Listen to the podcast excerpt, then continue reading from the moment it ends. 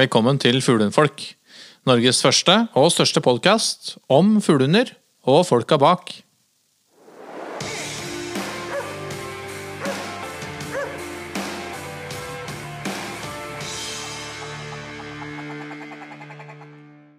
Hei, kjære venner. Hallo. Hallo, hallo. Det er godt å være samlet bak eh, Eller rundt et felles bord igjen. Det begynner å bli en stund siden. Ja, det er jo rene speiderturen. Absolutt. Det er fint å være samla igjen, ja. Nå som de seriøse podkastaktørene vi er, så er jo, det skulle det bare mangle. At de Det er, jo, det, er, det er synd å si at det er et studio vi hører hjemme, men, eh, men det er jo hyggeligere å se hverandre. Eh, Vi har jo gjort en del opptak eh, over telefon, og i en sånn nødsituasjon som vi har vært i, så har det fungert ålreit, men, men det blir noe annet når vi sitter sammen og lyden blir bedre. Så det er, det er jo her vi hører hjemme, egentlig. Ja, ja. ja det, det er sant. Absolutt. Um, vi har jo vi har jo snakket ganske mye om dette med skogsfugljakt, men vi har aldri liksom laget en ordentlig skikkelig dedikert episode på det. Um, og Magnus, du er jo en dreven skogsfugljeger. Ehm, så det er jo naturlig at jeg titter litt sånn bort på deg nå. Men du skal få slippe å få bære hele episoden alene, for vi har med oss uh, Pål Andersen også litt senere i sendingen. Som både er en habil hundemann, uh, men også um, en habil skogsfugljeger. Så um, dette blir Magnus og Pålsen episode, kjenner jeg. Folk sine høner. Ja. Nei, vi skal få sikkert Or- dele noe, Ja. dele noen erfaringer. Og forhåpentligvis så har vi noe av de samme erfaringene, ja. Som, Ja, for jeg, um, jeg må si Jeg har, har jo ikke jaktet så mye skogsfugl, men, jeg, men, jeg, men det er, jeg fikk litt sånn forsmak på det nå forrige helg. Og det er superspennende. ja, ja, ja. Altså, Jeg har jakta mye skog, jeg òg. Det skal bare sies, eh, det. altså Men, men det er ikke det som jeg kanskje driver mest med. Men eh, jeg syns jo det er veldig spennende. Det er jo utrolig å liksom å henge etter en god skogsfuglhund som eh, foter en tiur innover i skauen. Det, det er eh, spennende, altså. Ja.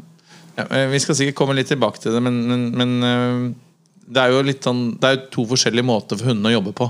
Eller det er, eller kanskje ikke måten som er så veldig forskjellig, men, men, men litt på hvordan de jobber, og ikke minst liksom rekkevidden. Og det er en del før så snakket man jo om jeg har en god skogsfuglhund eller jeg har en god rypehund. Um, men det er mulig å kombinere. Ja, man sa det vel litt sånn at eh, Man tenkte at en, en skogsfuglhund er jo gjerne en hund som går mye trangere, da, eller liksom har et, et, en sterkere kontakt med deg. fordi at de, inne i skogen og, og, og sånn, så er det ikke så, så lett å, å se en eh, hund, ikke sant? Og man må på en måte vite godt hvordan hunden jobber i skogen for det. da men det er jo en av våre argumenter for å trene opp en hund som skal brukes bl.a. i skog, er at vi, vi ofte starter på fjellet fordi vi lærer oss å kjenne hvordan hunden vår jobber. Men så i tillegg så vil vi jo se det at eh, en, en hund som på en måte kanskje legger ut et fint og godt søk da på fjellet, han, han vil moderere seg når han kommer til skogs. For at eh, da er det liksom litt sånn trangere forhold, og da kan han ikke drive så langt unna deg for at dere skal ha et samarbeid. da så, så det er mye av dette her som er liksom eh, ja, opplevelsen av eh, ja, At man får til noe sammen med bikkja si. At man ser at hunden faktisk liksom skrur over og inn på en sånn litt annen modus, som liksom er en sterkere samhandling, da, kan du si. For at det skal lykkes i skogen. Så det er jo eh, utrolig spennende. Ja. Så det du sier, det er mulig. Det er ikke sånn at man Det er mulig at jeg skyter meg litt selv i foten nå, men, men det er ikke sånn at man må ha to hunder. Én for skogsfugl og én for rype. Nei, altså det, det er jo Det heter jo det at en hund skal liksom på en måte kunne tenke i forhold til den biotopen den jakter i. Det er liksom en sånn Det er absolutt en tanke, det. Men man, samtidig så vet man jo at eh, noen stortgående fjellhunder ikke kanskje er like ja, like flinke til å moderere seg i skogen. da Slik at det kan jo bli eh, et kanskje litt vidløftig skogssøk.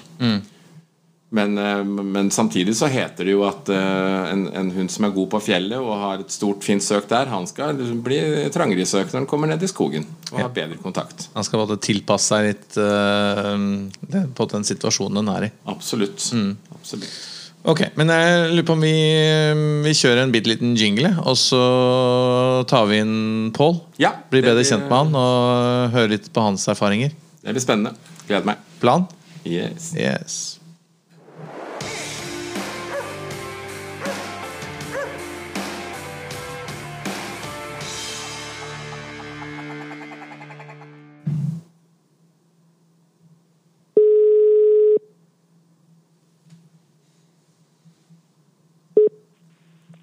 Hallo, hallo. Hei, Pål. Det er eh, Espen, Bjørn og Magnus fra Fuglehundfolkpodden som ringer. Er så hyggelig. Ja, det vet du ikke ennå, men vi satser på det. Ja, og jeg tipper det er hyggelig. Ja, vi satser Ja. Vi satser på det. Ja, ja, ja. Du, Pål. Vi, er- vi har bare vært gitt en veldig veldig liten introduksjon til deg. eh, Men jeg tenker for de som ikke kjenner deg, så hadde det vært naturlig å, å la deg få lov til å dele, dele litt av um, hvem du er. Og, og litt sånn um, ja, erfaringer med hunder og hundetyper. Ja. Og, Ja. Kan jo starte Jeg er Oslo-gutt. Født og oppvokst på Grorud. Eh, Ammerud Grorud. Eh, har eh, slekta fra Solørtraktene, Kirkenær-området, på vestsida av Glomma. Risberget, som det heter oppi der. Eh, Så jeg tråkka mye i skauen, og har familie som har vært opptatt av skogen. for å si det sånn. Um, og gjennom det så har jo også hun vært en del av det å, å, å vokse opp. Ikke det at vi har hatt så mye hunder i familien, men det har alltid vært hund og jaktprat rundt oss hele tida. På et eller annet nivå der har gjerne vært med elg, da, ikke nødvendigvis med fuglehund. Og så um, har jeg hatt veldig interesse for uh, dette med um, tidlig barn. Så begynte jeg å interessere, interessere meg for um, hundekjøring og det og med grønlandshunder. Uh, og det starta jeg veldig tidlig med, og hadde store tanker om at dette var det store her i livet. Jeg skulle bli hundekjører. På den tiden så var det Dette var på 60-tallet. Jeg er 59 år nå. Og, og 60-tallet så var det hundekjøring som faktisk gjaldt også å få folk ut av marka hvis du var skada. Og det så jeg noen sånne hundespann som kom, og det da syntes jeg var helt eventyrlig.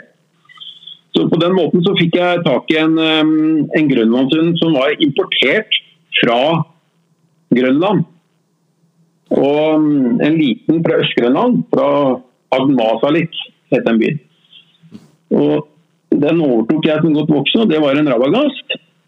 Som på en måte gjorde alt han kunne for å finne på noe hys, men han var kjempesnill. Men han hadde også sider som gjorde at du gjorde noe gærent, så fikk du klare tilbakemeldinger. Og da kunne han ta tak i deg, for å si det på den måten der. Sånn. Så du lærte fort hvordan du skulle håndtere hund. Ja. Det som var morsomt med ham, var at han hadde enormt jaktlyst. Ja. Og det gjorde at eh, min innsikt for hvordan han var, da var jeg bare en liten guttunge og forsvant til skogs med han. Og vi drev også og sneik etter elgen. Men han eh, hadde ikke noe los, men han jakta.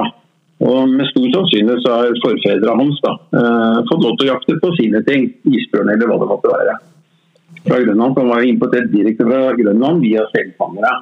Eller seljegere, da. Så det er eh, liksom opphavet til jaktlysten. Ja.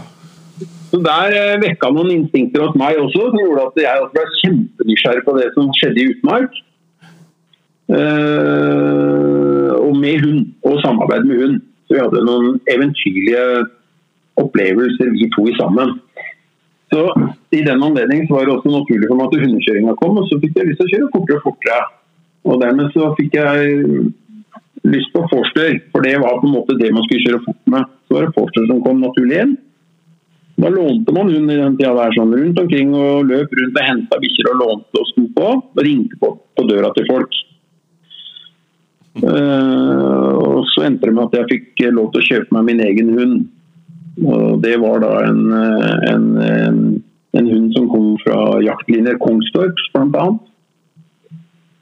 Og det var Elgåsklien Chevy. Um, også for å lære om den hunden så hadde jeg lyst til å forstå hundens egenskaper og rase. Det er nesten litt sånn morsomt å snakke om det nå, for jeg var jo faktisk ung. En ung herremann på 16, 17 år. Men Bodde du fortsatt og, på Grorud da, eller? Da bodde jeg fortsatt hjemme hos min mor og far. Og så mm, skjønte jeg at det var ikke forenlig med det de hadde tanker om, så da prøvde jeg å finne ut at nå skal jeg flytte på meg sjøl. Så fikk jeg tak i det som heter sommerhytte i Oslo. Det lå i utmarka. Det var sommerhytter. Plankehytter for så vidt. Og der bodde jeg til jeg dro i militæret. Da var det like kaldt inne som ute om vinteren. Ja. Og når jeg våkna om morgenen, så sov bikkjene på salongbordet. For det var så gulvkaldt. Men eh, på den måten så lærte jeg jo bikkja uh, Var sammen med bikkjer. Jeg ble jo som ei bikkje på den måten at jeg levde jo sammen med dem og hadde ambisjoner og skulle lykkes. Og um, enden på visa med Elgvaslin Chevy var at han ble faktisk no norsk jaktsjampion. Og så ble jeg norgesmester med hundekjøring. Tøft. Eh, En utrolig smart hund. Eh, hvor jeg måtte lese og tolke den. Og jeg husker min første stand den dag i dag. Det var eh, oppe i Namsskogan. Da før jeg hadde fått sertifikat, da dro jeg til jeg 17 år. Kameraten min hadde sertifikat. Så lå vi der i telt. Jeg husker jeg første stand jeg hadde på tiur med han. Så reiste han pust på halen. Av spenning, sånn som jeg oppfatta det den gangen. Så når han tok stand på rype eller orrfugl eller tier eller storfugl, så klarte jeg å lese på han hva jeg hadde foran meg. Og, og, og, det, det var egenskaper som han på en måte hadde, og det var i- frisk i reisen alt dette. Han var litt sen på moden, faktisk. Eh, Sånn som jeg opplevde den. Og han var også så smart når jeg var ute. Det var, da begynte den der eh, tida hvor man skulle trene på rappens, eller kveil som det var populært den gangen. Bobwhite. Og Da hadde vi med oss fugl faktisk ut i skauen for å trene stand i skauen. For å få liksom kontrollerte situasjoner. Og da skjønte han at det var tannfugl vi trente på. Og Da reiste han ikke, da brukte han beina og slå meg. Da gikk han framover, og så trampa han kjapt foran seg for å få fuglen opp på vinga. Utrolig. Så, ja, det var faktisk veldig fascinerende. Det var en superkamerat. Um, Jeg, har jo også gått skogskole og Gartnerskole og utdannet meg innen den retningen der. Og jeg hadde med meg på tur og lå ute. Og da husker jeg vi gutta var jo unggutter vi òg. Fyra bål og kosa oss på skauen. Og så hadde vi lagt um, vår i bekken for kjøling. Og da hadde vi sovna etter hvert utpå kvelden, eller natta, kan vi kanskje si. Vi var jo unge herremann. herremenn. Og våkna om morgenen, da hadde han vært og henta all ølen vår og la det rundt hodet vårt og mente at nå var det på tide at vi skulle komme i gang igjen her. det var Jo, og det, det gjør at man får veldig glede av det å være sammen med hund. Det gir masse energi og fantastisk glede av det med samarbeid. Da. Så, um, han fikk jeg jaktpremiert eh, på både skogen og på lavland. Eh, Jeg prøvde den også på, på høyfjell, men jeg husker ikke. Dette var jo på 70-tallet. Slutten av 70-tallet husker jeg ikke helt om jeg fikk en uh, jaktpremiert eh, på fjellet. Det er jeg ikke sikker på. Men det var liksom skogen som var liksom min greie. da. Skogen og så var lavland, for det var i nærmiljøet. Så, um, så det var litt, litt andre tider, tenker jeg sjøl også. Det var eh, når vi gikk på jaktprøve, så i dag så er det 60 minutter for å få den første, og den gangen var det 90 minutter og maks fire hunder. Så vi fikk avprøvd hunden grundig, ikke minst. da. For å, sånn, så det, det, det har skjedd mye i de åra fram til i dag. Ja. Så, um, og så begynte jeg med, med hundekjøring og aktiv og kjørte ut på landslag og konkurrerte ute i Europa og fikk europamesterskap, både sølv og gull. og og faktisk også fått um, x antall uh, jaktchampions og utstillingssjampions. Jeg vet ikke hvor mange jeg har, men jeg har et godt knippe. Og så har jeg um, uh, ja, europamester rundkjøring, tror jeg vel kanskje. Og så var det um, dette med at jeg var med. Jeg har vært med i VM for uh, stående fuglehunder fire ganger i Mellom-Europa. Beste plassering der da var under Hubertus. Da tok vi bronselag. Og så var jeg så heldig at jeg fikk nest beste poengsum av uh, deltakerne. Men han som slo meg, han vant jo da det partiet da i finalen. ja. Så, ja, så jeg syns det å drive med hund har vært uh, utrolig spennende. Og det er parolen til uh, Norsk Kennelklubb uh, Hund til glede og nytte, har jeg sans for, faktisk. Ja. Kennelklubben sin. Ja. Parole. Men, men, men du har vært uh, trofast mot uh, Forstern hele tiden, eller? Nei da. Eh, Jeg har, jeg har hatt glede av å eie eller jeg har hatt, eh, Grunnen til at jeg valgte Forster, var rett og slett at han hadde kort pels og mindre vedlikehold. Ja. Eh, Mindre vedlikehold sånn på vinteren. og Derfor så hadde jeg også pointer. Og jeg har hatt en pointer som het Sala, eh, og da var jeg Fantomet. Og poen, poenget var det at eh, hvis jeg noen gang skal gifte meg, så jeg sa, så skal jeg gifte meg med en sånn type hund. For hun var helt rå. helt rå! Og, og hadde evne til å jobbe som var helt uh, fascinerende. Uh, og fikk masse bra premier på feltet. Masse stort bra. Uh, fascinerende pointer altså, som var steintøff med seg sjøl. Faren var amerikaner. Eh, kanskje Norges styggeste pointer, men jeg var fascinert av eh, også være Sussi til eh, Svein Bråten Pointer. Sussi. Han var meget god skogstulen. Meget god. Også andre, andre prøver, men veldig god på skogen. Og så denne Rebella, som ble eh, Sala. Vi var i finale med x antall ganger også, tror jeg, i forbindelse med skogen. Ja. er morsom, egentlig en morsom tid å snakke tilbake til.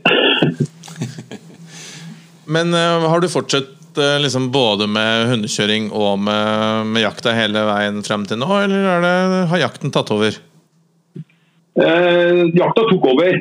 For da engasjerte jeg meg veldig. Og, og jeg tenkte jo som så at jeg har fått så mye gjennom Jeg har hatt titalls hunder. Og, og hatt veldig glede av å drive fram hunder. Også hunder som ikke har vært gode nok for andre, som jeg også har glede av å drive fram. Det gjelder også jakt. Um, jeg har hjelpa folk uh, også med, med, med andre hunder. Engelsettere, irsettere, gordons, uh, minstlendere. Og jeg tenker som så at det at du har en rase er én ting. Det er en grunn for det. det er at Du har kanskje hatt noe glede med den og gjort at det er den du har liksom lasta med. Men det som er litt morsomt, en god hund vet ikke hvilken rase han er.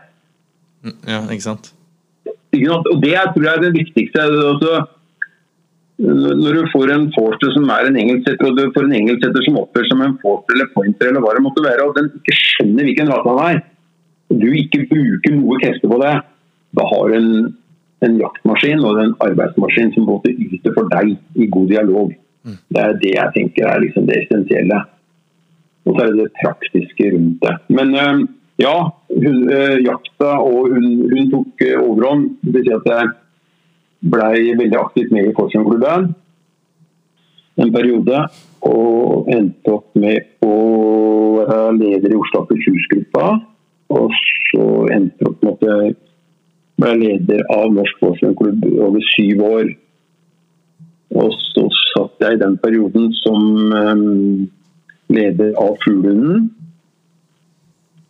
Eller leder av Fuglehunden er feil å si. Jeg sitter i styret. Unnskyld. Styret i Fuglehunden. Og så satt jeg eh, som leder i RU en periode.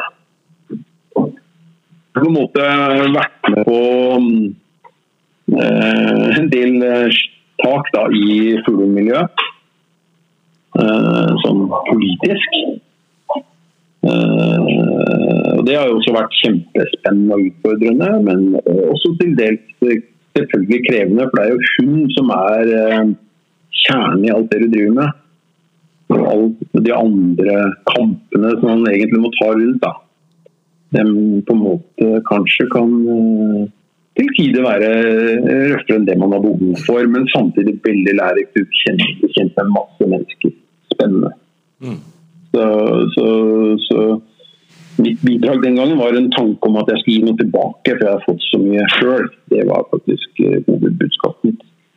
Så da var det jakt for alle penga. Da var det VM i fire år, og så var det å være med og så få sjampionater og være med og stelle og stelle for disse greiene her. Og så har jeg alltid hatt en filosofi at det skal være ærlighet i alt man gjør.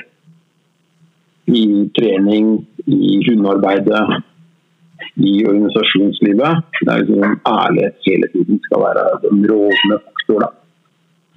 Så, så det er jo på en måte en del av de kjerneverdiene som også står. og Det syns jeg også speiler jakt. da.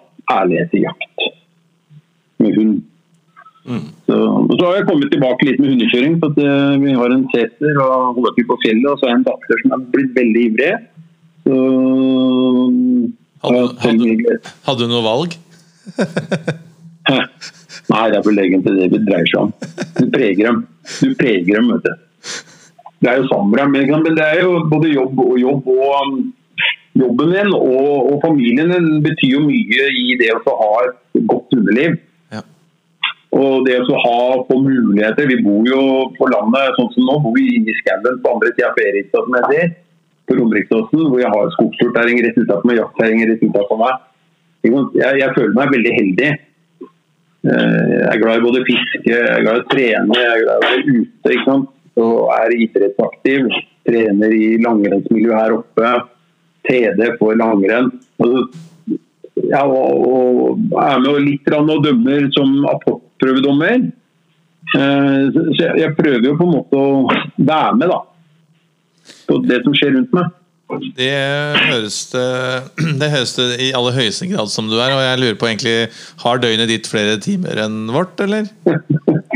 ja. Det er, det, jeg tenker at når du har, jeg, har ti hunder,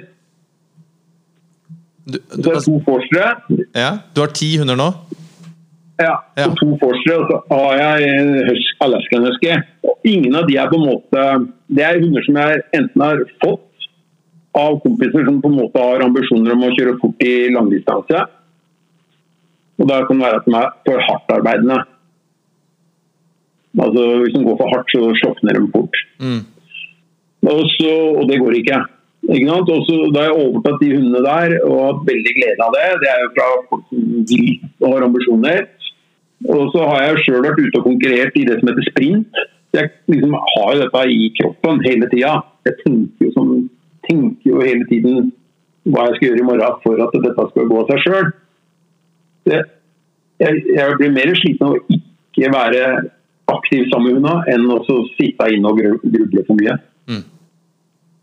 Så For meg så faller det naturlig. Og så er jeg så heldig at jeg har en jentunge som er kjempeivrig. Som gjør at jeg også må strekke meg ekstra nå. Og overlevere den stafettpinnen, føler jeg litt av. Ja. Og så har jeg en kone, Hanne, som er eh, supporter og holder, og holder litt, eh, passer på meg litt også, selvfølgelig. Men, eh, men eh, heier på meg. Vi har sammenfallende interesser. Og slipper meg ut av gårde. Når jeg kommer på setra, så drar jeg ut klokka 11 om kvelden. Jeg kommer rett opp, og så tar jeg meg en kjøretur med bikkjene på 3-5 mil, og så er jeg tilbake to om natta.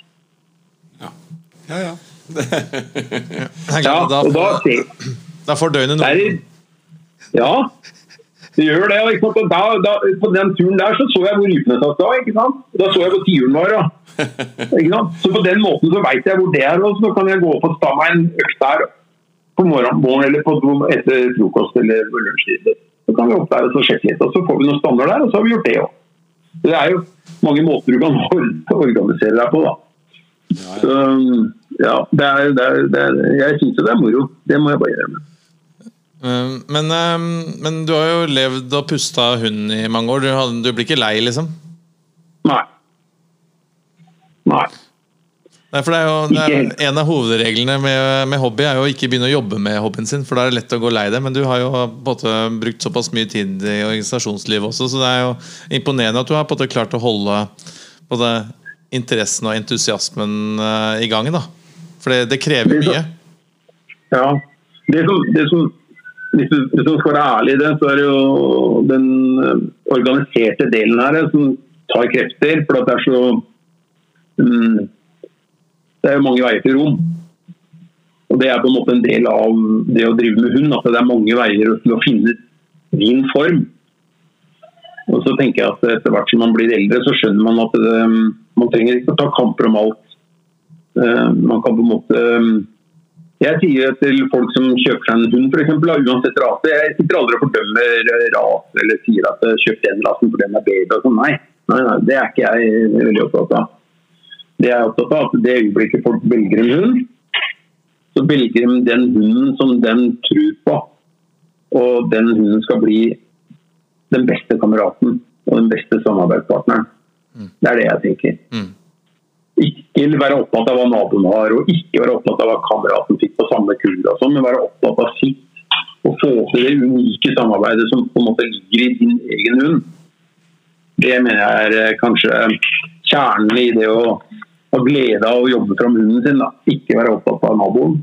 Og så får du noen svar noen ganger da, når du kommer på en jaktprøve eller på en utstilling at han ikke er pen nok eller at han ikke er god nok. alt dette her. Da. Så det er jo den form for eksamen. Så kan man tenke at man kanskje har vært litt for ivrig da, og starta for tidlig. Eller hun var ikke preparert, var ikke moden nok og var utrygg og kjente seg ikke igjen i situasjonen. Det er mange elementer som slår til for at en hund kanskje gjør de, de valgene han gjør. Da. Så, så, også noen ganger må man erkjenne at hun var ikke god nok. Mm. Uh, at han var kanskje en, en hund som uh, ikke var skarp nok på nesa. Altså hadde en del unoter. Men de fleste unoter en hund har, er på en måte tillagt gjennom uh, eieren. da, For å sette det litt på spissen. De fleste, jeg sier de fleste. Jeg tenkte, jeg tenkte jo litt det da, nå i forhold til tenkte Vi snakke litt grann, eh, om dette her mot eh, skogen da, og skogsfuglhunden. Og litt hvordan du tenker der i forhold til når du har tatt det ut eh, Når du har, du har den hunden som du nå ja, som dette, er, dette er din hund, og den, denne her trives du med. Også, hvordan vil du jobbe den fram for å, for å få til det samarbeidet som kreves kan du si, da, i skogen? Jeg tenker ikke på skogen. Nei? Det, det gjør jeg ikke. Jeg tenker først og fremst når jeg får en hund i hus, at han skal bli um, uh, trygg i det miljøet han er i. Mm. Um, jeg tenker at han skal bli en uh, glad portør, og det begynner jeg faktisk ganske tidlig å tenke på. Det kan jeg gjøre når han er eh, åtte-ni uker. Mm. Eh, gjennom det at han er sammen med meg, og f.eks. hvis det er så heldig at det er jakttida, eksempel, så ligger jo rypene parat, eller skogsund parat for den der knotten som går rundt beina våre da. Som tar et litt fullt angrep og stikker av med rypa. Eller hva det måtte være. Men da er det en risiko som jeg allerede har vurdert at det er det jeg ønsker å oppnå. Mm. Og så lager jeg ikke noe nummer ut av det. Eh, for da vet jeg at jeg klarer å fange en før han øker den opp, eller kall det hva du vil.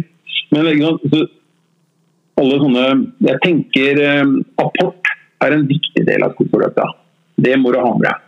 Det er noe du kan begynne tidlig med for å få en, eh, en, en hund som på en måte trives med å hente.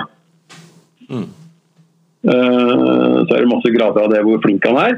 Men det å trives med å hente og få, få den greia, det kan du tidlig jobbe inn eh, med eh, La han få lov til å smake på ting, løfte ting. Uten å tenke på at den flotte fuglen eh, skulle vært utstoppa og du begynner å hoie litt. og sånt. Det, det, det, må du vite på, det må du skjønne i det øyeblikket du velger å la den slippe til. At du, du tar noen risiko. da, Den flotte tieren som du har tenkt å stoppe ut, hvis du har tenkt å la den der ungen få lukte på den, da, så kan det hende at han tar litt mer tak enn du ønsker. Sant? Litt sånne, sånne ting. Det, det er helt, sånne ting er jeg veldig bevisst på i tidlig fase. Det er ikke alle hunder som trives med å apportere. Som sier at eh, Hvis du har en forster, er du født apportør. Det kan jeg si at det, det, det er ikke helt sant. Men det er en hund som er veldig lett å lære.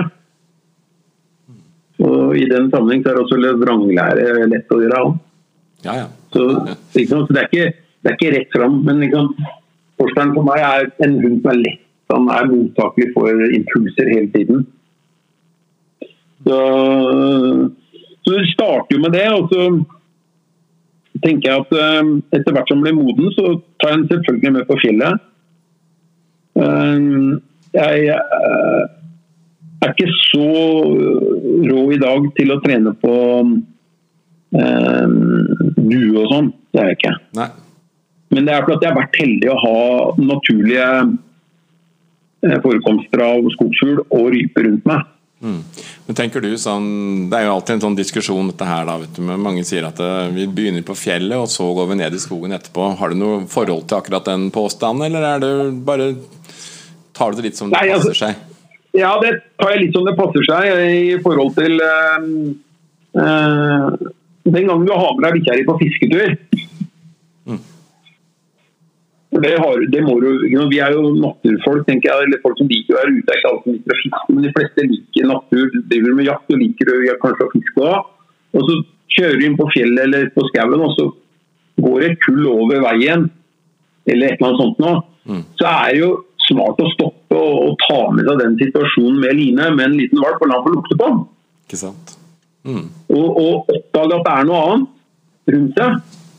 Så du vekker interessen for, um, eh, for vilt da, på en eller annen måte.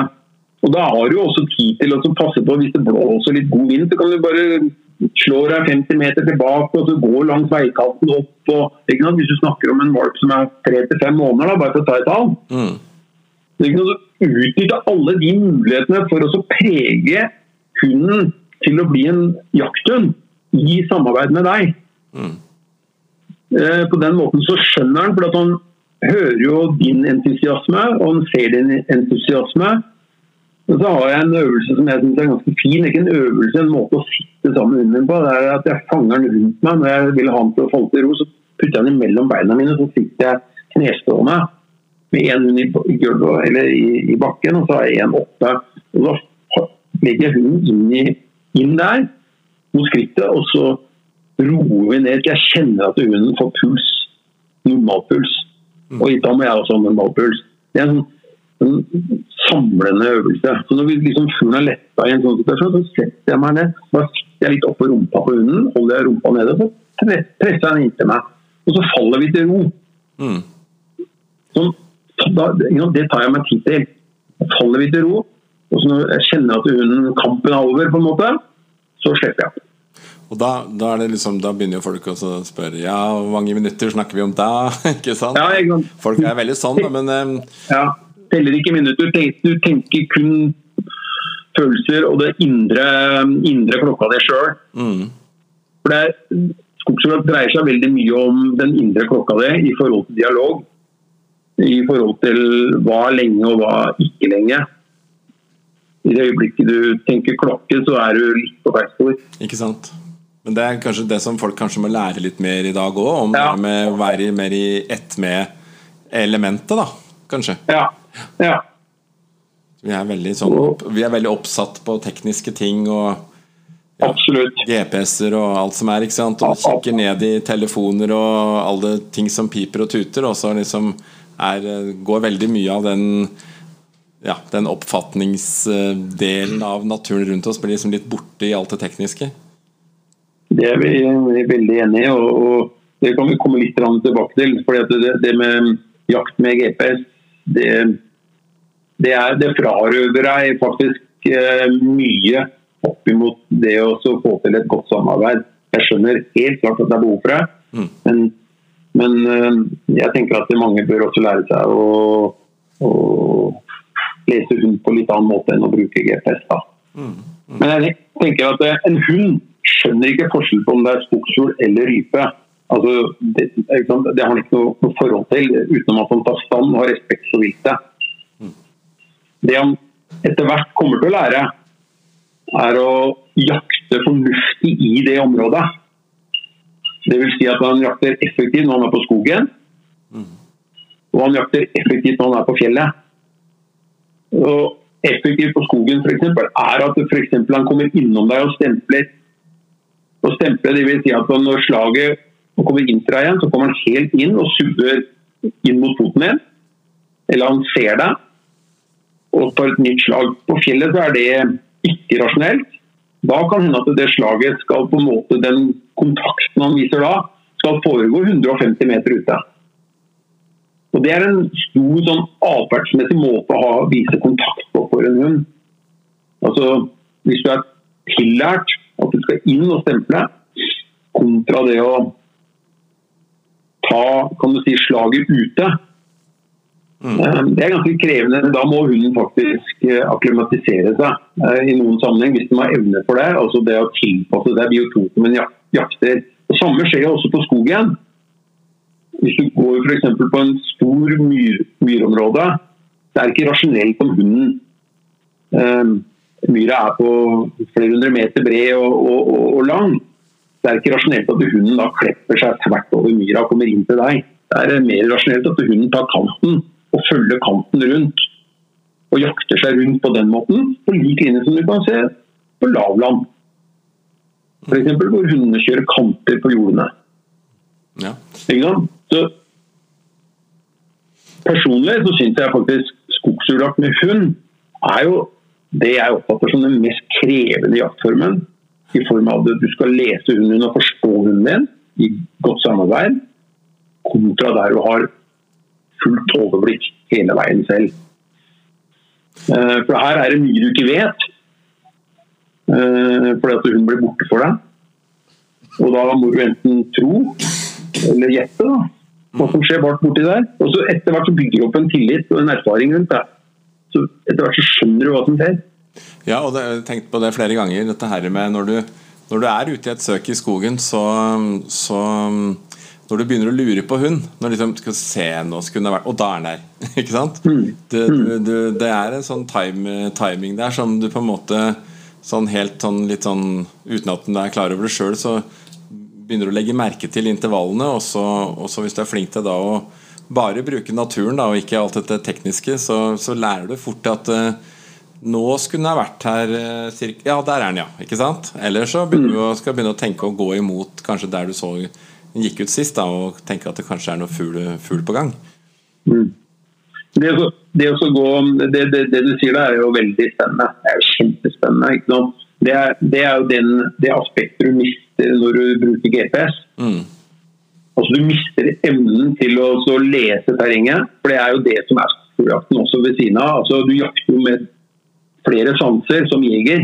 Mm. Du bruker øya, du bruker hørselen, og så selvfølgelig vind og terreng. Og leser terrenget. For Du må hele tiden vite hva som er foran deg. Bekkedrag, stup, opp, kanter, eh, hoppsflater. Altså, alt dette her må du ha inn. Og Dette er jo det som gjør det så komplekst med skogsfugljakt. Altså, sagt, ordentlig god skogsfugljakt. Hvor du liksom lever i ett med skogen og hunden din. Um, det, er en, det er en dimensjon da, som, er, som jeg mener er kanskje til dels undervurdert, men er faktisk opphøyd. Altså, faktisk så jeg vil jo si det at det, når du Altså Hvis du da er på, er på denne sansejakta her, da, så er opplevelsen er mye større når du da går i retning av at eh, ja, han gikk ut der, og han burde, kanskje det er noe fugl, og så, og så går du og så kikker du deg rundt, og så plutselig får du se bikkja di foran i stand. ikke sant?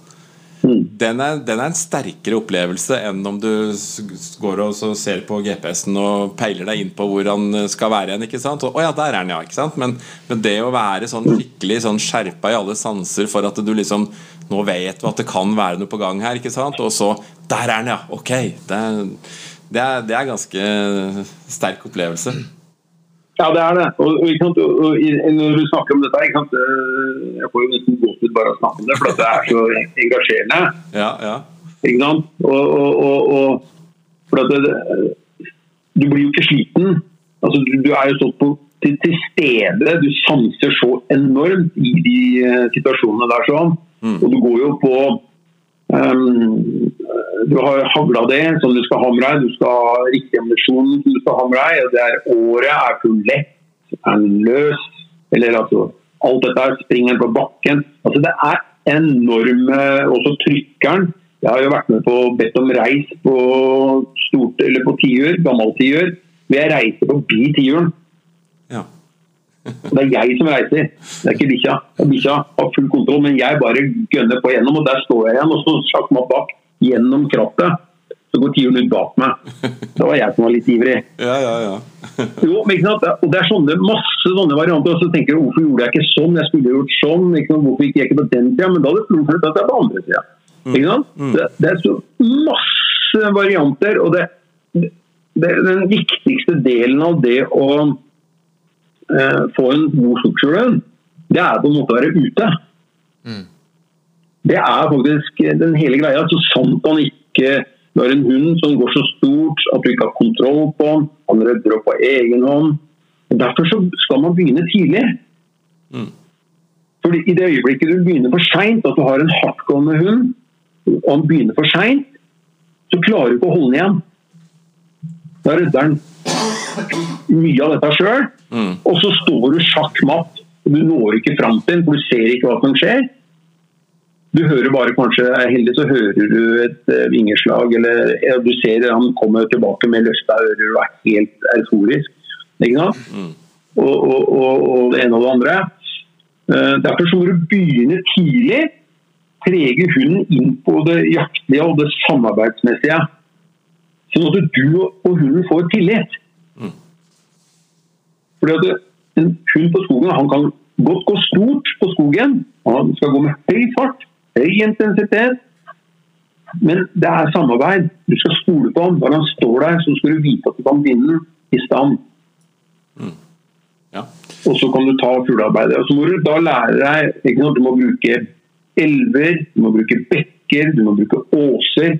Som gjør Hvis du har en stor hund, så kan du gå inntil f.eks. en elv. da, Som gjør at du har en begrensning på venstre side. For eksempel, hvis elva går oppover den veien, så bruker du den bevisst i terrenget.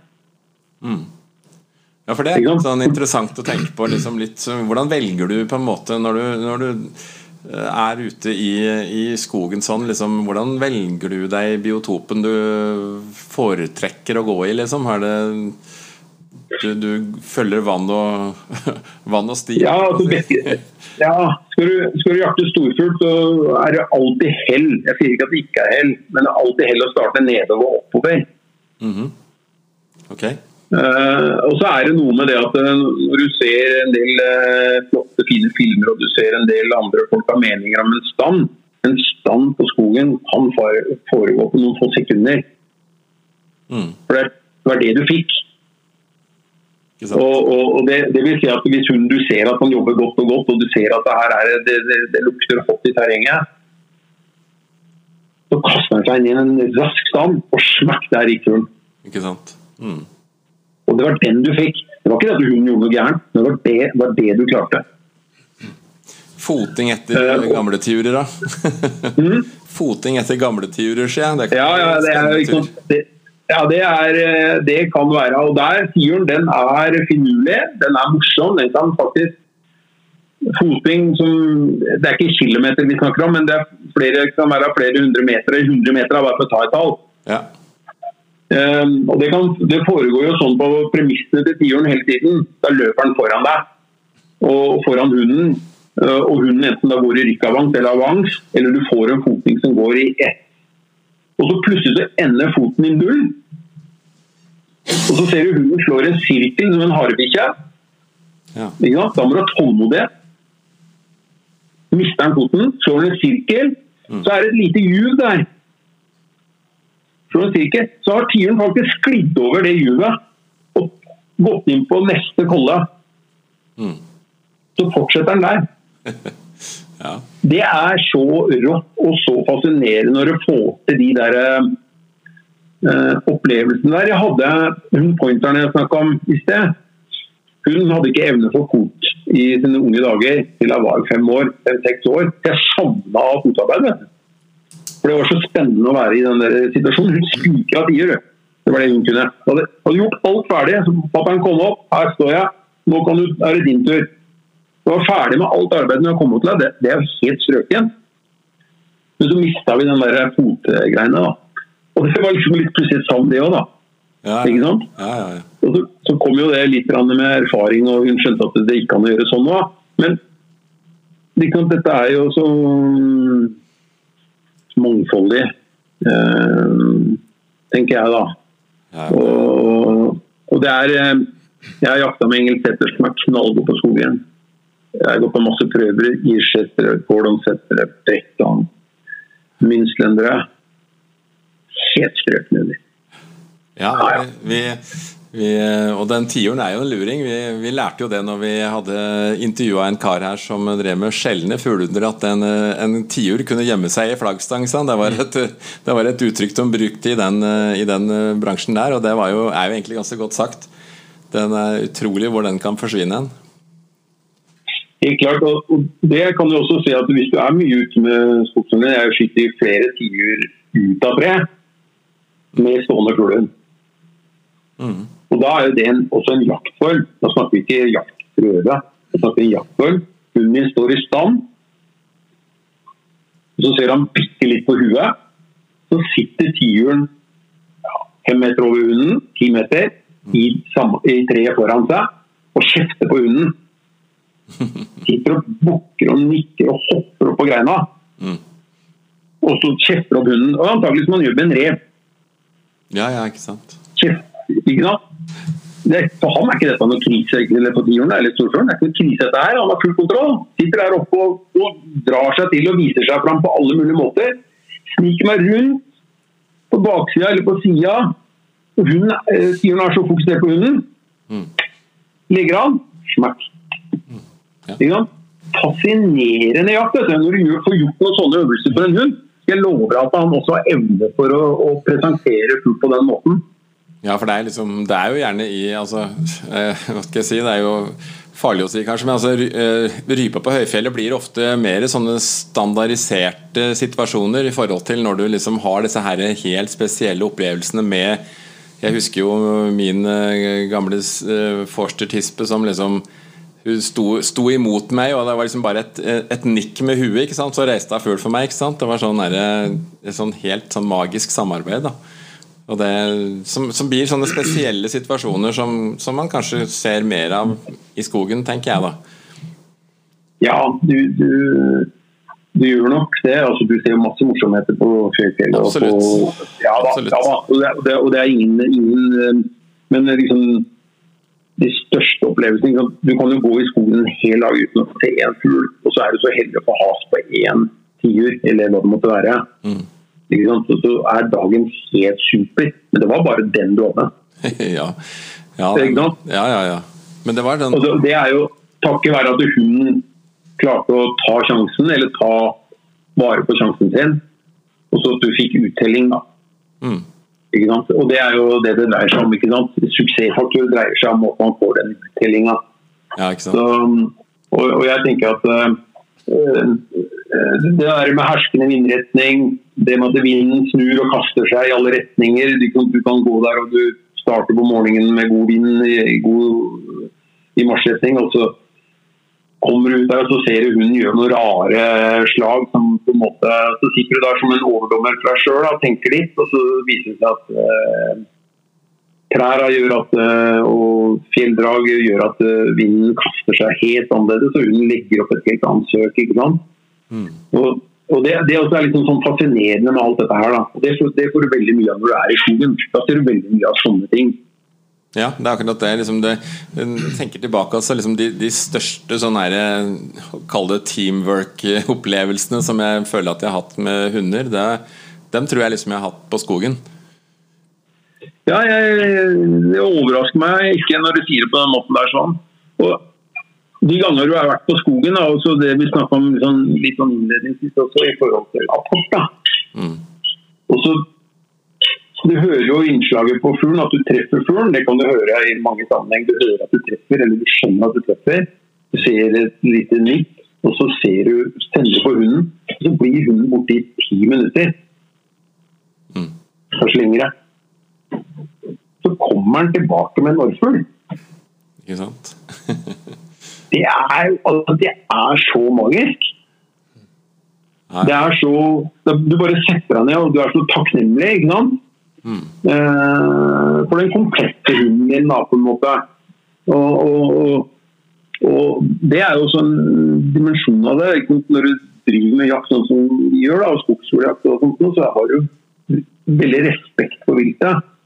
Hvert fall sånn som jeg tenker. Veldig respekt for det. og ønsker på en måte å bringe påskutt fugl tilbake. Mm. Og så er, vet du jo at uh, i skogen så er det masse fugler og, og røtter og, og sånt noe. Jeg har jo på en måte opplevd flere ganger at jeg har mista fugl, og så heldigvis så står hunden foran et lite hull i bakken med en rotbelte eller rot. Mm. Så skjønner du, her, her er det noe. Du bare tre denne handa langt inn i dette hullet, og du syns jo det er litt ubehagelig med en gang. Og inni der så sitter en med fugl, Ja. så drar hun ut. Ikke sant? Det, det, det, sånne opplevelser er så stort. ja. Ja, det er helt magisk. Nå Ja, det er det faktisk. Men jeg, jeg er ikke noen erfaren skogsfuglegreie, altså, men, jeg, men de, jeg har jo hatt noen timer i skogen, og det er, det er et eller annet med den tilstedeværelsen som, som jeg tenker Når man går i storfjellet, så kan man liksom ja, Du kan gå liksom og titte litt på vær og vind. Og liksom, det, det er en litt sånn annen, mer avslappa Men altså, er du i skogen, så må du liksom være Du må være på, da. Må være på. Som jeger. Du må liksom være mer påskrudd, da, hvis det er i mangel på Ja. noe bedre Du må liksom Sansene må på en måte være mye mer skjerpa. Um, det er iallfall min opplevelse av det. Fordi det er en um, i hvert fall sånn som jeg opplever det, en, en ganske komplisert og, og, og krevende jaktform. Ja, det, det, det er jeg. Det, det mener jeg også at det er. Jeg jakter mye rytte Og jeg jakter mye fasan og rappens og, og, og skogsfugl. Men jeg, må, jeg må bare innrømme at jeg klarer ikke å bli lei. Um, fordi at eh, Hvis du går inn i den fasen at du sovner litt i timen, da, og du glemmer deg litt Smakk, sier det, så har bikkja en stand over en kolle, og der går ut tigeren. Og da står det igjen med skjegg i postkassa. Jeg kan dra en story hvor jeg og broderen var en stein eh, høstjakt. Vi var oppe i på Romeriksåsen her oppe jeg bor. Og så Det var sånn julejakt vi skal, da. Og så sier jeg til Børsan at eh, ja, ja. Førstemann, den som skyter tiuren, den kan bare reise hjem. da. Reise hjem på hytta, varme opp, bare der. Da er du ferdig med jakta for i dag, liksom. Og så går jeg opp på en fin, fin haug. Og også en sånn rygg. Sånn, ordentlig sånn tiurlandskap med gamle furuer og, og alt dette her. Og der får jeg en stand. Og dette løser ut av seg sjøl. Så tiuren har ikke oppdaga meg. Og tiuren kommer på rett mot meg. Og jeg leverer to skudd da, og klarer å bomme.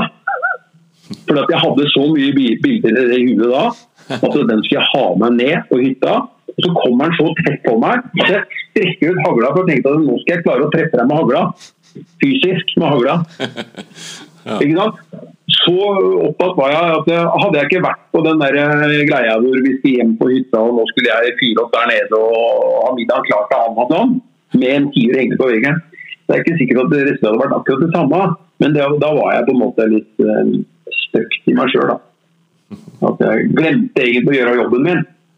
Og det var jo faktisk av kinnkontakt. Da titta jeg på tiuren Mm. og strakk hals i det øyeblikket jeg la an. Og det er ofte den største utfordringen når du har uh, tiur foran deg. At du ikke kommer deg ned på kolben og legger deg ordentlig på kolben og drar igjennom.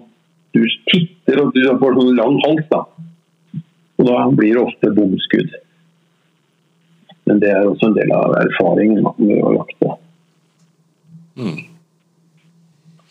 Så du får jo masse sånne morsomme opplevelser med, med, med disse hundene ute i terrenget. Så Nei da.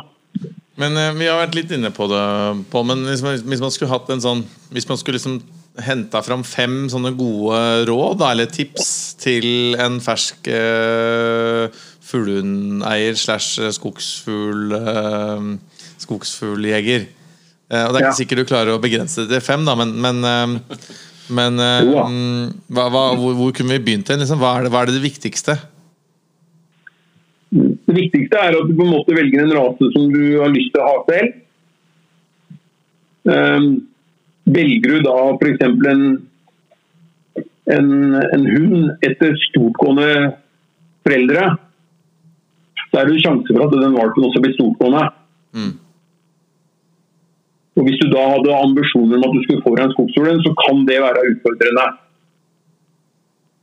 Så Det første rådet er at du kanskje går inn på foreldrene og så ser litt på dem. Hva, hva de har vist og hva de har prestert, basert på, på avl og, og, den delen der. Om det er søsken eller ditt eller datt. Og det, poenget mitt med det er jo på en måte at hvis du har, en, hvis du har ambisjonen om å bli god på langrenn, så er det en fordel å bo i Norge. Med snø rundt beina. Mm.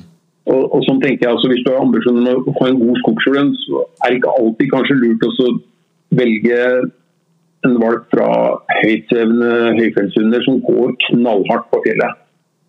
For du klarer ikke å, klarer ikke å holde den inne. Det tenker jeg er en sånn, kanskje en grei regel for en som ønsker å være nybegynner. At man tenker seg litt om. Det er ikke dermed sagt at det skal være en treapremie, for en treapremie kan ha andre grunner til at man har fått sine treapremier. Du bør ikke gå på format, det. Det kan være helt andre grunner. At man har for lite format. Ehm, det er ikke det vi snakker om, det er sånn om reviering. Mm. At du klarer å rivere i dialog med eieren. Um, Engelseter er jo fantastisk gode evner til å rivere. uh, Men uh, også er det uh, at du bruker tid sammen med hunden din. Uh, det vil si at folk har sagt til meg Pål, jeg holder på å bygge hus, jeg hadde ikke tid til hunden min. Ja, da skjønner du hva som kommer til å skje, da. Hunden i løpet av ett til to år, så er den på en måte forma. Mm. Så hvis du legger igjen den hunden og ikke har tid til å gi den den oppmerksomheten han trenger for læring, så har du mista noe på veien. Jeg sier ikke at ikke du kan ta det igjen, men jobben blir helt annerledes. Uh, og Spesielt for uh, nybegynnere, da, som sier at bruk tida i det øyeblikket du har valgt å ta en hund. Bruk tid. Kjøp riktig fra den, uh, de foreldrene du mener du ønsker å ha fra. Basert på kanskje prøveresultater, mener jeg er veldig lurt. Um, god helse, selvfølgelig. Og så bruk tid sammen med hunden din. Lær hunden din samarbeid gjennom um, rype, fasan eller rapphøns, fasan og skogsfugl. Uh, fordi at samarbeidet skal gjelde uansett hvor han er. Uh, pass på i tidlig fase å gå i motvind, sånn at hunden hele tida har evne til å gå opp i vind Eh, fordi at en hund som kan bruke motvind, lærer seg også etter hvert å gå på sidevind og medvind. Hvis han på en måte først har lært det, noen er flinkere enn andre, det er ikke det jeg sier. Men da har de lært seg motvindsøk, så lærer seg også fra siden og, og medvindsøk. Eh, gå på plasser som gjør at um, uh, du har sjanse for å komme, og, og lytt, på, lytt på folk. Vær mottakelig. Det gjorde jeg da jeg var ung. Jeg satt sammen med disse barka skogsturdegerne og lytta og var nysgjerrig. Mm. Ta råd. Mm. Og så er det mange veier til rom, som jeg sier. Og så prøv å hente det beste av det beste. Da. Det du tenker er best for deg. Eh, så tror jeg ikke det er nødvendigvis at man må ha fasiten, men at man er ute og bruker tida sammen med hunden ute. La han få lov til å være, la han få lov til å bli brukt. Lærer han å være rolig i god dialog. Ha med på hytta eller hjemme eller noe. Eh, driver ute i hagen eller hvor det måtte være. Ha med hunden ut. Lær han å sitte. Gi deg, Legg den på plen mens du holder på å rake. rake. Altså Gjør praktiske ting rundt den. Det, det, det mener jeg er gode ting ved å trene godt samarbeid. Mm. Sykle med dem, være ute med dem, svømme med dem. Alle sånne ting som gjør at hunden får mange, mange elementer å, å spille på. Ikke tenk at det er finværsskyld, men gå ut når det er regnvær. Gå ut når det er litt yggete, kaldt. Eh, vær ute i all slags vær, sånn at hunden lærer seg alle de der evnene han har. Tenker jeg. Jeg vet ikke hva dere tenker om det sjøl, men Absolutt, altså. Det er, det er dette som er veien til en god hund, det er at man bruker tid på den. Mm. Og lærer, lærer å forstå den. Det, Ja, ikke sant? man trenger ikke være etolog eller psykolog for å forstå, men, men, men eh, tid er nok kanskje den viktigste faktoren for å, for å skjønne, Ja. skjønne hunden din. Mm. Og, og i den sammenheng, ikke sant, hvis du Nå tenker vi at vi er på fjellet, da, så vet du om en dal borti lia der borte eller et eller annet sånt noe. Ikke alltid ha med deg kamerater inne eh, første gangen. Vær litt aleine med hunden din. La hunden få lov til å være førstemann inn. Ikke at det skal være konkurranse om denne fuglen hele tida. Og, og, og det ene og det andre. Sånn at du får eh, Jeg tror at eh, mm, Jeg kaller jo det altså vinner, vinnerslag, da. Hvis du trener en hund spesielt på tannfugl, da. Og det gjelder også skogen. Hunden tror hele tida at hvert eneste arbeidslag han gjør ute i terrenget, resultat, resulterer i at han finner sin fugl, da er hunden i det jeg kaller for vinnerslaget sitt. Da jobber han hele tiden bevisst for å klare å komme i fugl. Og, og, og det, det er det du kan trene på, spesielt med tannfugl, hvor du har kontroll på. For da kan du legge en fot til høyre og en fot til venstre, eller hva det måtte være. Og så går du i god vind. Sender hun ut der, bang i stand. Og så ny til høyre, bang i stand. Og så, gjør du det, så overbeviser du hunden til slutt. Hver gang du gjør dette her sånn, så lykkes du. Det er det vi driver med. Vi tilrettelegger for hunden at han skal lykkes. På den måten så får du til et samarbeid, for da, da vil hunden tro på deg. Ja, han vil tenke liksom at det lønner, det lønner seg å jakte med deg. Ja, Ja. Mm. og da tror på deg til slutt at dette fatter'n eller mutter'n er faktisk den vi skal jakte med. Og ikke jakte på seg selv, og være egenrådig og selvstendig. Mm. For hunden kan please seg sjøl gjennom det å få ruse og finne på masse sprell sjøl. Du får ut i de der vinnerslagene, og det kan du trene tidlig på. da løper hunden sammen med hunden ut. Bang! Ny fugl, ikke sant. Line på. God stemning. Og så er det opp med fuglen. Sitt med god stemning. Ned mellom beina. Bra. ikke sant? Alt dette som er gøy. Og så er alltid med Jeg er jo old school, har jeg skjønt etter hvert. For at jeg, jeg blir- jeg 60. Og da Jo, ikke sant? du ser deg sjøl i speilet og tenker ikke på det. Men du skjønner jo det etter hvert når du prater med andre folk. Og da, jeg skjønner jo det at det, min tidlige fase var en helt annen måte å dressere på enn det er i dag.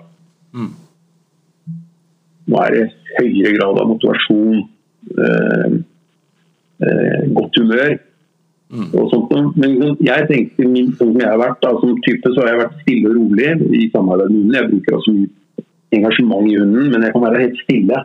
For jeg tenker at Hver gang jeg er stille og sier bra, så tenker jeg at da er jeg raus. bra. Ikke sant? Ja, ja. Jeg ser jo de som er mer moderne i dag, da, hvis man sier det på den måten her, Ja. har mye mer, enda, enda mer fakter. da. ja, det kan, kan gå, bli for mye og for lite av alt, er det ikke det de sier? Ja, det er, det er akkurat det. Ja. Men etter, etter hvert som du får til den samarbeidet som jeg sier, så kan du kneppe ned på alt dette her. Ikke sant? Da får du til samarbeidet. Da får du det nikket som du sa. Så ber om en reis, nikker du til hunden din. Eller du bare vinker den fram med hånda. Mm. Nå, nå snakker vi om gode hunder da, når vi sier sånn. Ja, ja. Jo da, men det, det blir jo det når samarbeidet blir på topp, liksom. Ja. Og så får du jo noen ganger trege reisere som du ikke vil ha på skogen, for da står i en sjakkmatt. ikke sant? Mm. Og det å ha en hund som er røff i reisen, som tør å gå på fuglen, eh, sånn at du får den på vinga, da. Det er jo alfa mega mega på skogen. Mm. Den, eh, da må hunden være så djerv at det, ja, djerv reiser, da. Mm. Uh, det er billig reis, ikke sant. Uh, Rykkavans er jo så kjempegøy. altså det, alle, alle, alle varianter av dette her. Og så er det jo perioder i, hvor du aldri kommer til reis fordi fuglen er så var. Mm. Og det jeg opplever også da, er faktisk uh, tiuren lettere å jakte på, eller storfugl lettere å jakte på enn orrfugl. Orrfugl tåler nesten ingenting. mens da er tiuren så kald mellom øra at han kan vente deg på 30 meter, 20 meter. Og, og er, er mer vågal da, i den sammenheng, for han er tryggere på seg sjøl. Mens orrfuglen er jo mye mer var. Skogens torpedo. Altså, det er jo blåhanan. Mm. Den er helt rå. En god, gammel blåhane er helt rått. Altså. Det er Å få hasen på en sånn i en god sving, det er ikke rett fram. Altså. Nei. Nei, det krever, krever både Ja, det er, det er Da skal du Du skal ha timing, og det er jo den andre siden av det å lykkes på skogen. En hund er jo hvis du tenker jakt, da. Nå er jeg, jeg er jakt. Jeg kan, eller jeg liker jakt, da. Ikke overdrivelse, det, det er ikke det jeg tenker på. Jeg tenker fornuftighet og balansert. Skyter du én tier, skal du være kjempefornøyd. Det er lykke. Du trenger ikke ti tiur eller fem tiur. Nei, Én tiur, herlig. helt enig. Ikke sant? Enig der, ja. Mm. Ja. Og jeg har vært med én gang i mitt liv. Jeg har hatt en tispe som vi kalte på skogsfuglederen. Det var ikke for at den gikk så jækla bra. Det var en sånn treapremiehund. På de største dagene så kunne det være A-premie. Da snakker vi kjøpt. Men det var fantastisk i enkelte sammenhenger når det var så krevende før at disse som gikk litt større, ikke mestra seg. Da brukte vi henne. Derfor kalte vi henne skogsfuglederen. Hun klarte umulig en gang å presentere en orrana mellom meg og henne. En blåhane.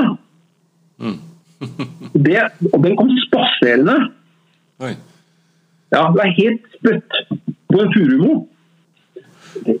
Helsike, ikke sant? Og den kom opp. Men sant? jeg hadde full, full, kom full styrke inn mot meg, altså sånn avansering inn. Og der leida den der orranaen på en måte mot meg. Ja. Om jeg, om jeg gjorde det med vilje eller ikke, det skal jeg ikke uttale meg, men jeg, jeg var i hvert fall mykt imponert. Jeg har aldri opplevd det før, og ikke siden heller på den måten. Men, eh, men ikke sant?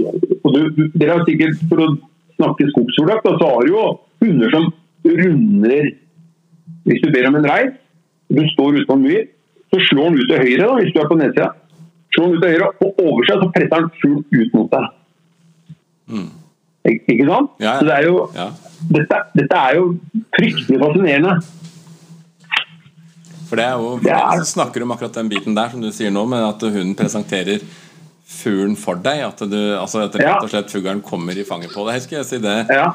Det òg er noe et sånt fenomen som vi liksom på en måte hører skogen til. da Ja, og så hadde, hadde du gjort det på fjellet, ikke sant? på en jaktprøve der, sånn, så er det jo nesten disk. ikke sant? mm. ja. Ja, ikke sant? Blinker den fugl, eller? Hva gjorde den for noe nå? ja, ikke sant? Ja. Jo, ikke sant? Dette her er, liksom, De nyansene her er jo fascinerende. vet du. Mm. Absolutt. absolutt Nei, det er Og da, Ja. det er mangfoldet, da. Mm. Mm. Er helt utrolig. Det er uh... Ja, det er, det er faktisk det, det, Jeg tenker at man skal være ganske åpen da, til sinns når man er der sånn i forhold til eh, Når du får til den eh, gode dialogen med en god hund. Mm. Være åpen for at det finnes så mange veier. Og litt sånn eh, nå i dag, da, som uh, I år har det jo vært et sånt både-og-år på rype, kan du si. I hvert fall her på Østlandet. Det har jo vært eh, mange områder som det har vært veldig dårlig med fugl. Og- Men i hvert fall sånn som jeg kjenner det, så i områdene rundt her så har det vært veldig bra med skogsfugl. da Så det kanskje kan være året hvor man uh, smaker litt på den jakta. Ja, og det, det, det sier jo litt om det vi snakker om i forhold til GPS. Da. Jeg hadde lyst til å komme litt inn på det. Mm. Og det, det, vil jo si at eh, GPS er bra i mange, mange, mange sammenheng. Mm. Eh, og det er noe med trygghet. F.eks. når du bor i skogen, når du er i skogen, så er det også andre fare for at det er andre rovdyr der. Mm. Eh, og kanskje spesielt eh, gråbein, da, hvor folk eh, tenker at dette er skummelt. Og Da er det lurt å ha på GPS på hunden sin, sånn at du har en stor sjanse for at eh, dere finner hverandre igjen. Altså Hvis man er sånn at man jakter et område hvor jeg vet at det er eh, muligheter å få en konflikt med ulv. Jeg har jakta mange mange år i ulveområdet, og det er bank i bordet gått bra. Alltid, Da snakker jeg mange år, 30 år, 40 år i sånne områder, både i Sverige og Norge. Det har gått bra. Det har vært ulveskyt rundt oss og alt det der. Bank i bordet, sier jeg bare da. Men nok om det. Det har vært en trygghet for meg å ha den GPS-en. Ja. Eh, tilfelle skulle skje noe. Mm. Mm. Og så skal jeg være ærlig og si at det hender at jeg har tatt noe på for å se hvor er ja, ikke sant. Ja, det har jeg gjort.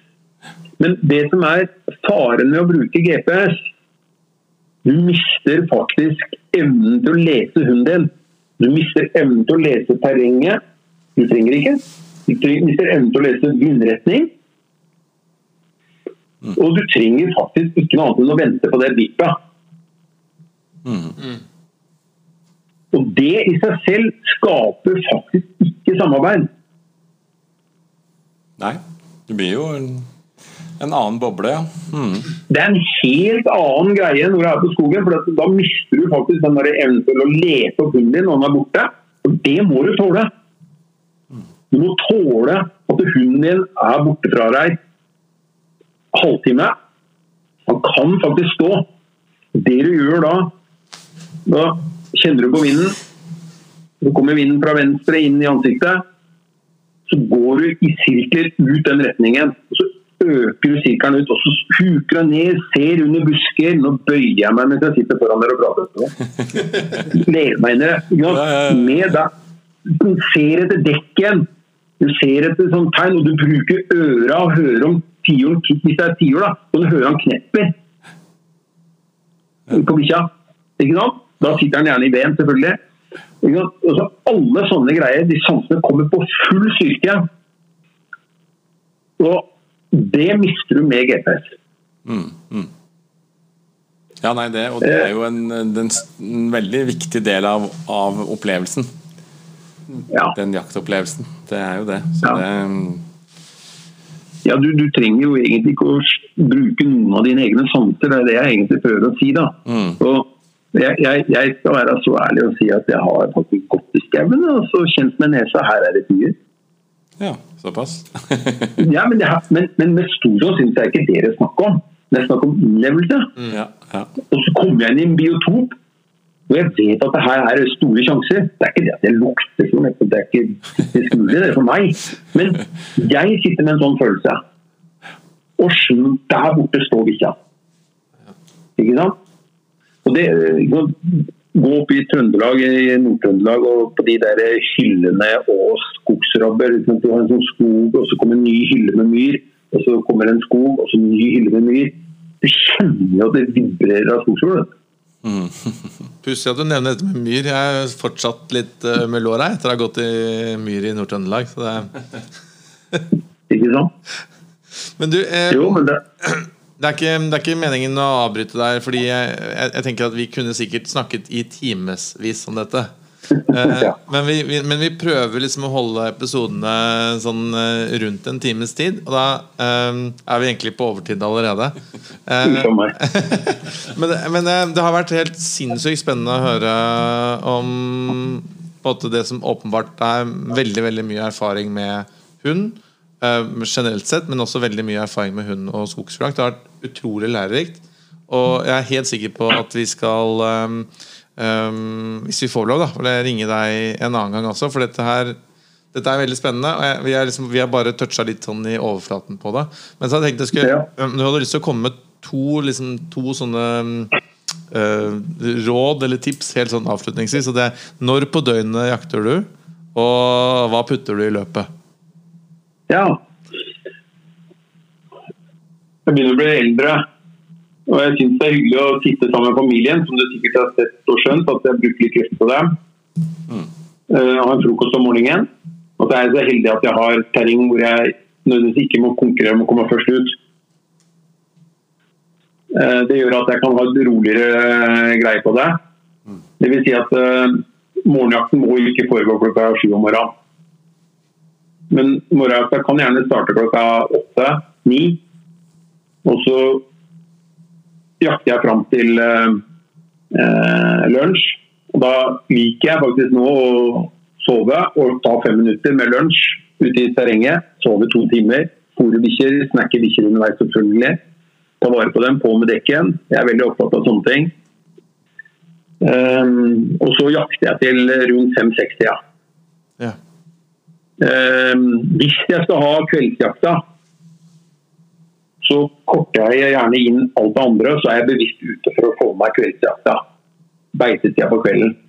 Da er det sånn eh, kveldsjakta, som jeg kaller det, det er, eh, som ender til slutt i skumring. Mm. Det er også en herlig tid å jakte på. Du liksom bruker hele spennet i forhold til vær, vind, temperatur ute. Er det varmt i dag? Eh, tidlig opp? Eh, er det god temperatur? Er det regnværsdag hvor du ikke har lyst til å sette deg ned på samme måte? Så, så, så, så du tilpasser deg på en måte vær og klima. og Derfor så er dette ikke noe halvidrett. Dette er ekte naturglede. Mm. Hvor du er ute med elementene. Og må tilpasse elementene for å få til en god dag. Og så over til haglstørrelse. Eh, Tidlig i jakta så bruker jeg eh, ofte seksere på skogsfugl. Og så varierer jeg med litt grøvere ammunisjon på trangeste løpet. Det siste skuddet. Eh, Så jeg varierer litt. Eh, Etter hvert som høsten går fremover, så blir fuglen mer var, så går jeg gjerne opp på, eh, eller på dimensjon. Da har jeg sånn duplex som jeg har vært veldig glad i gjennom mange år. Det er toer og firer. Og så har jeg brukt eh, firer og sekser eh, som, eh, som, eh, som valg. Eh, hvis du må opp i grøvere ammunisjon, det er fuglen altfor var, tenker jeg da. Og så er evnen til å holde igjen skudd på storfugl eller fugl i skogen er lurt. Det er ikke noe vits banke på lange hold. Det er ikke noe spenstig. Hold igjen. Eh, du kan råke, er ikke det jeg sier, men da, det er mer tilfeldigheter. Vi kan fortelle alt om sånne historier hvor du treffer en fot fugl som vært på langt hold, men eh, Og så bruker du trangere boring utover, eller utover høsten. Ja. Det er eh, øker opp med dimensjon, eller med, med størrelsen på, på patronen, og så, og så trangere, trangere boring utover seinere høst. Det er for fornuftig, Mm. syns jeg, da. Og det er ingen betydning om det er 20-kaliber eller om det er 12-kaliber. Så treffer du, så treffer du. Og hva spiser du på nyttårsaften? Tiur. Ja, det ante meg.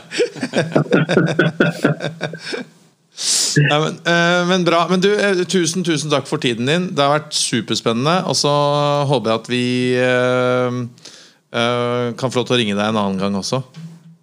Takk for at dere tok dere tid til å ville ha meg her, da. Nei, det, det har vært en veldig veldig spennende episode. Jeg håper lytterne våre også har hatt, uh, hatt gåsehud, eh, for det har jeg hatt. For jeg, jeg gleder meg til helga. Ja, det er noe med det. Ja. Ok, tusen takk. Det var veldig hyggelig. da. ja, takk. Det var veldig hyggelig. Tusen takk for tiden din. Så snakkes vi. Hei igjen. Ja, ha det. Hei, hei.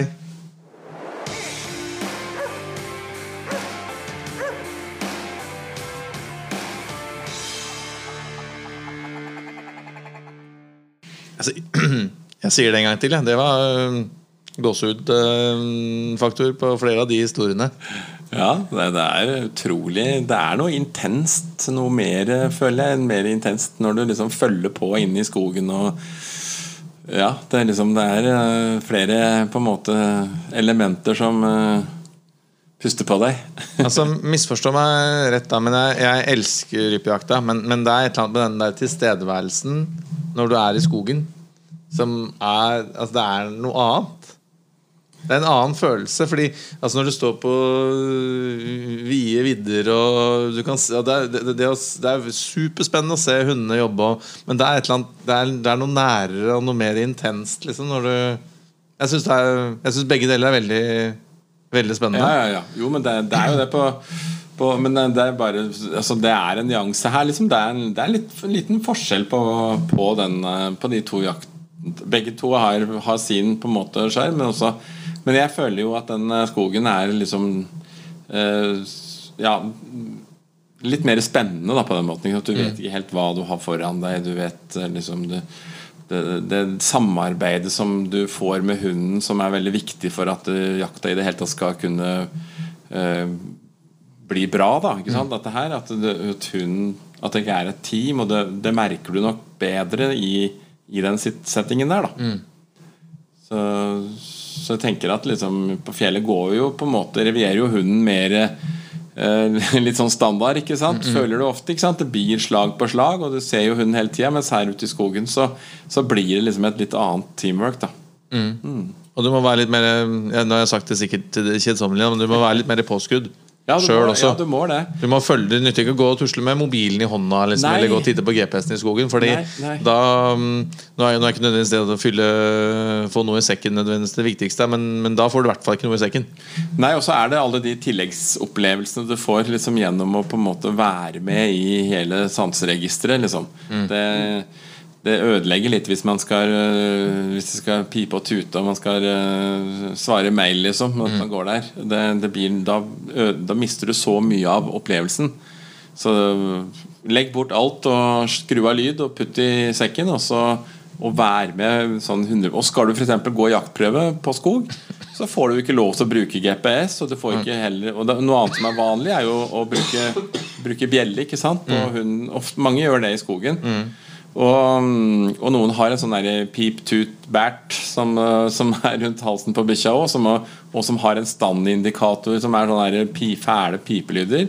Eh, skremte i hvert fall livet av både meg og bikkja mi første gang jeg prøvde det.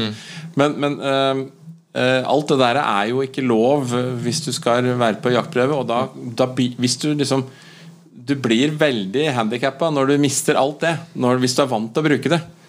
Eh, For jeg pleier alltid når i hvert fall, Det hender nok jeg har på en GPS, og det hender at jeg sniker meg og, og kikker på den, men, men, men i forkant av at det skal gå jaktprøver på skog, så pleier jeg alltid å gjemme det bort. For å lære meg bedre å kjenne hundens søk. Og for å liksom på en måte være mer til stede da, i, i, i skogen. Og så er det et eller annet med den stand, standen i skogen, for du vet, liksom ikke, du vet liksom ikke helt hva det er i andre enden av den standen. Eh, som eh, gir det en sånn dimensjon som eh, ja, Det må bare testes ut. da Så Hvis du ikke har prøvd skogsfugljakt, så Ja, nei, det, det er jo akkurat sånn det er. ikke sant? Ja. Og det er som Pål sier òg, at det liksom, det er den standen er kanskje bare et par sekunder, for det blir en sånn lite antrekk, Yes. og så pang av gårde. ikke Ja. sant? Så det, så det er action, altså. Det, det er virkelig ting du kan ikke Det er ikke noe standard der på hvordan ting skal Så du må være veldig klar. Påskrudd. Da. Ja, påskrudd, rett og slett. Mm. Nei, men Bra. Kul episode, uh, syns iallfall jeg. Eh, jeg gleder meg til helga. Ja, Mm. du skal uh, jakte litt? Jeg håper det. Håper det. Rart. Ja, nei, veldig bra. Ja. Du skal skyte deg en tiur til, eller? Ja, det må vel ha kanskje et par, par stykker, da, hvis en skal ha stort uh, nyttårsselskap. Så. Er du invitert? Nei, Nei, ikke heller. Ikke ennå. Nei, Nei, det er lenge til Ja, nyttårsaften. ja. Ja, ja, Kanskje vi må skyte en tier, vi òg, da. Så. Det spørs det. Hvis vi kommer med hele bataljonen vår, så må det mer enn en tier. Ja. Dere kan eh, ta med alt det der været dere har plukka dere på de jaktturene deres. Ja, Rolig nå. det, det, det er viktig, det òg. Ja, det er viktig å høste av alle Ja, ja. eh, naturens frukter. Molt, moltene vet du, i tidlig høst, vet du, det går til moltekremen til jul, eh, nyttår. Ja, og blåbæra, den uh, blir deilig på pannekakene utover høsten. Ja da, så det Nei da, om det ikke blir noe tiur til helga, så blir det i hvert fall noe skrøner og noe røverhistorier ut av det. For det blir noe i hvert fall, syns jeg i hvert fall, eh, mer av på skogen enn på Rypefjellet. Eh, Det åpner mer for det. ja, det, er, det er fantasien, vet du. Og det er litt skummelt inni denne skogen òg, vet du. Ja, ja. Nei, men eh, Skal vi kalle det en episode, da, gutter? Absolutt. Ja. Da runder vi sakte av. Ønsker alle skittjakt og lykke til med all trening og skyting og øving og trening. Og, Ja, ja, ja, ja. ja, ja, ja. og følg oss på Instagram eller på Facebook. Hyggelig. Det er bra, det. Og hvis det er noen som har eh, noen spørsmål eller forslag til episoder, eller har noen eh, mennesker de vil at vi skal snakke med, så er vi alltid åpne for innspill. innspill. Og kritikk og skryt eh, alt også. Skryt i hvert fall. Ja. Mm, ja. Mm. skryt sender vi til en annen e-postadresse. Nei, unnskyld, men det er kritikk et annet ja, ja, ja, mm. Kritikk at uh, hulenfolk.no. Ja, nei da. Eh, ok, ha det bra, folkens. Vi snakkes snart. Ja, ha det. ha det. Nei.